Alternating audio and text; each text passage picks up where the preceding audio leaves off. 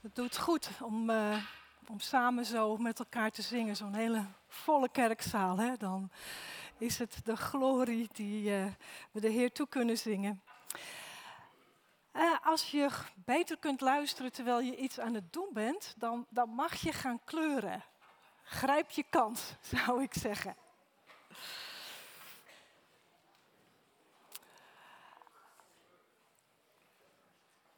Of als je uh, denkt, ik, ik, ik, wil, ik kan goed luisteren als ik wat kan eten, dan mag je natuurlijk je, koek, je koekje eten. Mag ook. Ik, uh, ik houd heel erg van uh, documentaires over archeologie. En hoe mysterieuzer uh, de archeologische fonds, hoe liever dat het me is. En dan heb ik zoiets, oké, neem me mee. Ga het raadsel ontrafelen. Stonehenge in Engeland, of die graftombes in Egypte, Pompeii, dat zijn zo de bekende, maar als het onbekend is, maakt me ook niet uit. Hoe raadselachtiger, hoe liever. Maar ik verwacht wel dat ik aan het eind dan de oplossing krijg. Laat me niet hangen in het raadsel. Dus vertel me meer en los het geheim op. En ik, ik realiseerde me dat ik eigenlijk ook zo uh, naar dit verhaal van de opstanding uh, kijk. Wat een raadsel. Wat een mysterie op die zondagmorgen. En dan heb ik zoiets, oh ja, vertel me nou wat meer. Ik vind dit te weinig. Zeg nou iets meer. Waar kan ik nou iets meer horen? Wat gebeurde daar nou? En hoe is dat nou geweest voor die mensen toen? En los het op, vertel het geheim. En dan heb ik toch wel moeten bedenken, leren van ja, maar zo is, is het niet bedoeld. Hè. Het is voor, ook voor, voor uh, bijbelse uh, theologen, voor theologen is het ook een beetje raadselachtig. Waarom staat er nou zo weinig over die opstanding? En zoveel meer over het leven van Jezus. En dan moeten we denk ik met elkaar zeggen, ja, nee, het gaat er ook niet om dat onze nieuwsgierigheid bevredigd wordt. Het gaat erom dat wij opgewekt worden tot geloof. Het gaat erom dat wij gaan ontdekken wat betekenen nou deze woorden, wat betekent dit verhaal voor onze navolging van Christus. Daar gaat het om. Dus laten we dat met elkaar proberen te ontdekken. Maria van Magdala, de enige dus genoemd in het evangelie van Johannes, die blijft daar bij het lege graf. terwijl de andere twee, Petrus en een andere discipel, naar huis gaan. En daar ontmoet ze dan Jezus, die daar ook is. En pas als hij haar bij haar naam noemt, herkent ze hem. En dan wil ze hem vasthouden. En dan denk ik, oh ja, zo logisch. Hè? Ze dacht hem verloren te zijn. En dan is hij terug en ze wil hem. Het eerste wat je dan doet is vasthouden. En dan zegt Jezus: Nee, nee, niet mij vasthouden, want ik ben nog niet opgestegen naar de Vader. Dus daar, daar zit al een eerste ontdekking in. Maria wil Jezus vasthouden, waarschijnlijk bij zijn voeten. Dat eh, weten we uit het Evangelie van Matthäus, om hem te aanbidden. Maar ze mag dat niet doen. Want de relatie met Jezus is na zijn opstanding een andere dan daarvoor. En in zijn afscheidsreden heeft Jezus minstens zes keer gezegd: Ik ga jullie verlaten. Ik moet echt weggaan, terug naar de Vader. En nu moet Maria begrijpen wat hij daarmee bedoeld heeft. Hij kan niet blijven. Want de geest van waarheid die moet komen en die moet zijn plaats innemen. Dus de relatie die Maria met Jezus had als mens, in een menselijk lichaam, dat moet nu een relatie worden met Hem in de geest. En dat is een andere relatie. Hij blijft niet lichamelijk bij haar en bij de anderen. Hoe graag ze dat ook hadden gewild. Het kan niet. Want hij wil met zijn geest in hen zijn, in hen wonen. En hij kan dat niet als hij in een menselijk lichaam bij hem blijft. Zelfs niet in dat nieuwe opstandingslichaam wat hij gekregen heeft. Dus hij wil niet alleen bij hen zijn, nee, hij wil veel verder. Hij wil in hen zijn. En dat kan alleen maar als Hij gaat. Want dan kan de Vader de geest zenden. En de geest, die kan wel in ons wonen. De geest van God, die verbindt zich met onze geest, met onze ziel. En hoe dat gaat, ik heb geen idee. Ik weet alleen maar dat het gaat. En dat wij zo geschapen zijn dat dat mogelijk is. Jezus en de geest zijn niet één en dezelfde. En toch ook weer wel. dat is ook dat wonder, dat mysterie van de drie-eenigheid. En als je daar meer over wilt weten, ben je van harte welkom in de cursus Nazarene Essentials. Gaat over de geloofsartikelen. En Antoni is aan het uitleggen over de drie-eenigheid. We zijn uh, afgelopen zaterdag begonnen, dus je, je kan nog mee gaan doen. Dus die ontdekking is deze. De band met Jezus, die is veranderd na zijn opstanding. De discipelen waren eerst zijn leerlingen, hij hun meester of rabbi, dat was de relatie die ze met elkaar hadden. En nu zegt hij, ga naar mijn broeders. Hij noemt hen broeders, dus er is hier nu, er is een familieband. Maria moet vertellen dat Jezus naar de Vader gaat. En zegt Jezus, die nu ook jullie Vader is naar mijn God, die nu ook jullie God is. Dus Jezus die trekt de, de leerlingen, die trekt die, de relatie binnen tussen vader, zoon en geest. Hij trekt ze de relatie binnen die hij met de vader heeft. Hij is nu ook jullie vader. Jullie zijn broers en zussen. We zijn nu één familie, één familie. Opgenomen zijn we in die liefdevolle gemeenschap van Vader, Zoon en Geest. En dat had Jezus ook beloofd. Hij had gezegd, maar ik laat jullie, als ik ga, ik laat jullie niet als wezen achter. En dat is wat hier aan het gebeuren is. Zijn vader is hun vader, is onze vader. Dus dat is alvast een hele mooie ontdekking voor ons. De relatie met Jezus is veranderd na zijn opstanding, is een familiaire geworden. Eén familie. Zijn vader is onze vader. Eén familie zijn we met vader, zoon en geest. Jezus verschijnt ook nog aan de discipelen. En ik lees verder dan in vanaf eh, vers 19. Op de avond van die eerste dag van de week waren de leerlingen bij elkaar. Uit angst voor de Joden hadden ze de deuren op slot gedaan. En Jezus kwam in hun midden staan en zei: Vrede zij met jullie. En na deze woorden toonde hij hun zijn handen en zijn zij. En de leerlingen waren blij omdat ze de Heer zagen. En nog eens zei Jezus, vrede zij met jullie. Zoals de Vader mij heeft uitgezonden, zo zend ik jullie uit. En na deze woorden blies hij over hen heen en zei, ontvang de Heilige Geest. Als jullie iemand zonde vergeven, dan zijn ze vergeven. Vergeven jullie ze niet, dan zijn ze niet vergeven. Daar zaten ze dan op die zondag, die eerste dag van de week, bij elkaar gekropen, deuren op slot, want zij lopen nu ook zelf gevaar als zijn leerlingen. Dus wat nu? Hoe gaat dit verder? We zijn aan onszelf overgeleverd. We zijn alleen en verloren. Hoe moet dit nu? En dan ineens verschijnt daar Jezus in hun midden. En dan zegt hij: Vrede is met jullie. Woorden die geruststellen.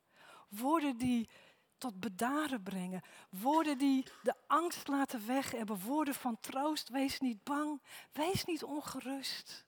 Voel je niet onveilig en alleen, want ik ben hier om vrede te brengen. En ook dat is wat hij hen beloofd had. Ik laat jullie mijn vrede na. Mijn vrede geef ik jullie. Zoals de wereld die niet geven kan. Dus maak je niet ongerust en verlies de moed niet. En daarna toont hij dan de littekens in zijn handen en in zijn zij om aan te tonen, ik ben het echt. Ik ben geen geestverschijning. Ik ben Jezus die gekruisigd is en ik ben opgestaan. Ik ben opgewekt uit de dood en ik leef. Ah ja, hun angst is meteen weg en maakt plaats voor blijdschap, vreugde, verwondering, opluchting. ah, ik denk, wat een wonderlijke ervaring moet dat zijn geweest. En dat had ik nou zo graag ook zelf gezien. Jezus die opgestaan is in een nieuw opstandingslichaam. En ik kan me voorstellen dat zij net als Maria hem vast willen pakken. Oh, we dachten dat we u kwijt waren, verloren, alleen, overgebleven en nu bent u terug. We hebben u teruggekregen, bij ons terug. Wat een blijdschap en een dankbaarheid. En dan zegt Jezus nog een keer, vrede is met jullie, zij met jullie. En dat zegt hij niet omdat ze het de eerste keer niet gehoord hadden, maar hij zegt het om wat hij nu vervolgens gaat zeggen. Zoals ik door de Vader ben gezonden de wereld in, zo zend ik jullie de wereld in. En dat is in ieder geval toen voor hen een angstige, onveilige situatie. En Jezus had ze ervoor gewaarschuwd, de wereld zal jullie haten. De wereld zal jullie ook vervolgen, net zoals ze mij vervolgd hebben. Dus opnieuw wil Jezus geruststellen, maar mijn vrede is met jullie. Mijn vrede geef ik jullie, jullie hoeven niet bang te zijn. Dus ik, ik was hiermee bezig en ik, en ik liet die woorden op me inwerken. En ik kon me zo goed blijdschap voorstellen. En die mooie geruststellende woorden die hij dan spreekt, vrede, vrede, zij met jullie. Ja, en dan meteen daarachteraan, en ik zend jullie uit de wereld in. Ik zal jullie eerlijk zeggen, er overviel me een gevoel van eh, vrevel, zoiets. En ja, ik dacht bij mezelf, ja, maar waarom nou ook meteen weer uitzenden? Kunnen we het nou niet gewoon even hierbij laten, dat we weer samen zijn? De blijdschap, de vreugde, de dankbaarheid, de verwondering dat Jezus leeft en in hun midden is. Laat ze daar nou even van genieten. En ja, dan moet ik natuurlijk daar wel even over gaan nadenken. Waarom roept dat dan vrevel bij me op? En ik had het antwoord best wel snel gevonden. En ik dacht, ja kijk. En dat is nou het verschil tussen mij en Jezus. Dat is nou het verschil tussen ons en Jezus. Hij werd door de Vader naar de wereld gezonden. En had hij niet het recht om daar vrevel over te voelen, weerzien te hebben, dat hij vanuit de hemel naar de aarde gezonden werd, dat hij zou denken, ja, ik ben hier in een zo'n harmonie en dan moet ik naar de aarde, waar geen harmonie is, met eigenwijze mensen die denken het beter te weten en mij niet gaan begrijpen, moet ik daar nou naartoe? Dan had hij toch alle reden gehad om weerzin te voelen. En dat had hij niet. Geen spoortje daarvan. Geen spoortje eigenbelang. U zendt mij, vader. Dan ga ik.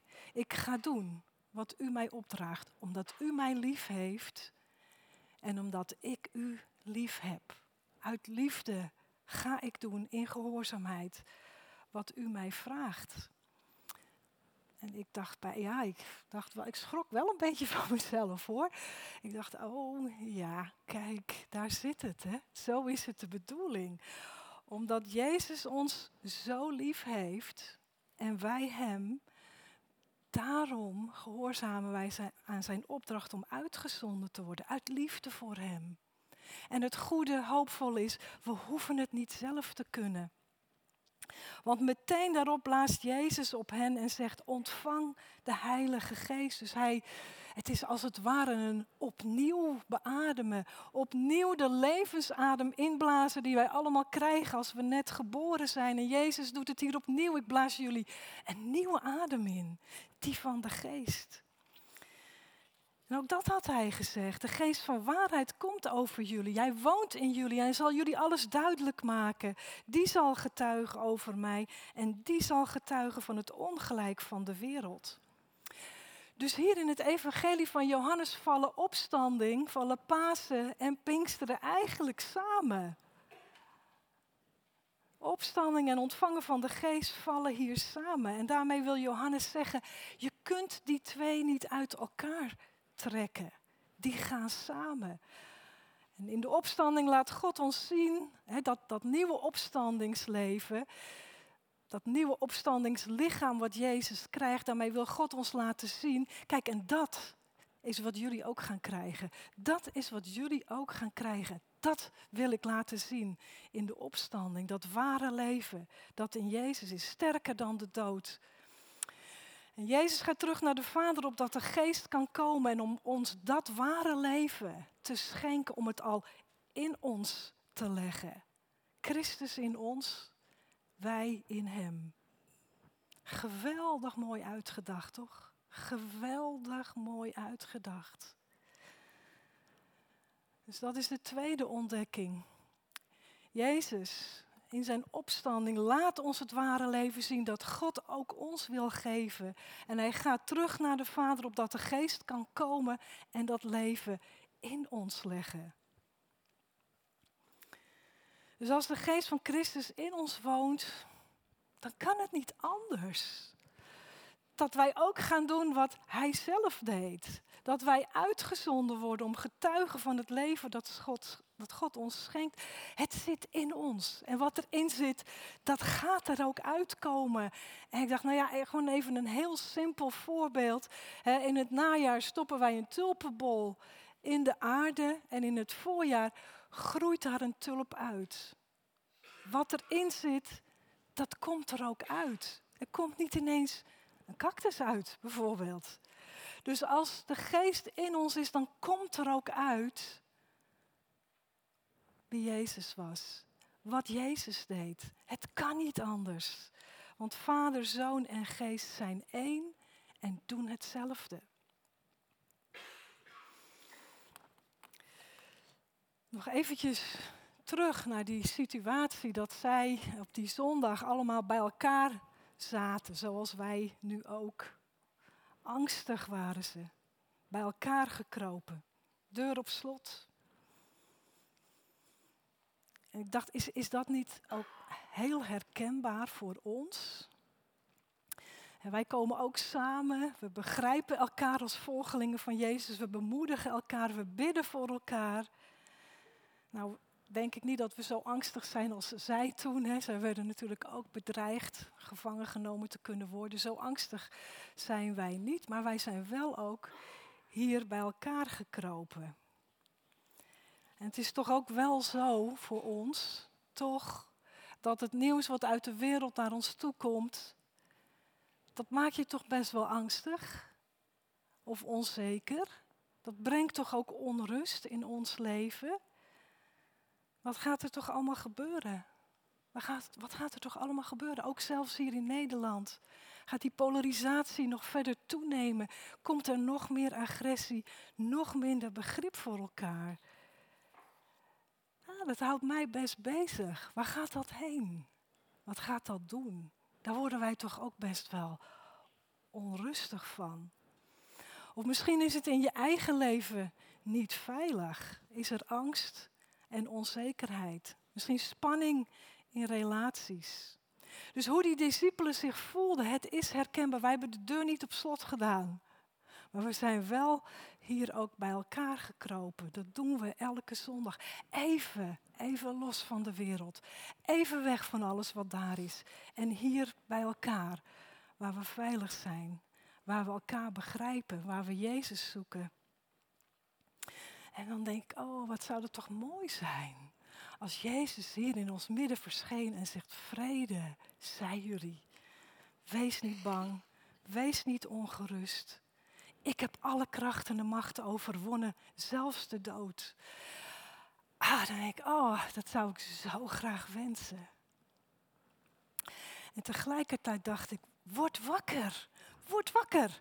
Want hij zegt het ook tegen ons. Dat heeft hij toch ook beloofd. Ik moet gaan zodat de geest kan komen. En de geest van waarheid, die zal jullie alles duidelijk maken. En die zal jullie alles in herinnering brengen wat ik gezegd heb. Ja, natuurlijk. Dus de geest brengt ons die woorden ook in herinnering. Vrede, zijn jullie. Hij zegt het niet alleen tegen ons, maar hij spreekt het binnenin ons met zijn geest. Zo dichtbij, zodat we weten dat het waar is. En wij gerustgesteld worden, getroost dat Jezus alles heeft overwonnen en wij niet bang hoeven te zijn. En als we dat dan misschien wel zijn, dan is het geen falen, dan is het niet een zwak geloof, maar dan zegt het dat wij mens zijn. We zijn mens in alle kwetsbaarheid van het aardse leven. Dus bang zijn, onrustig zijn, hoort daar ook bij.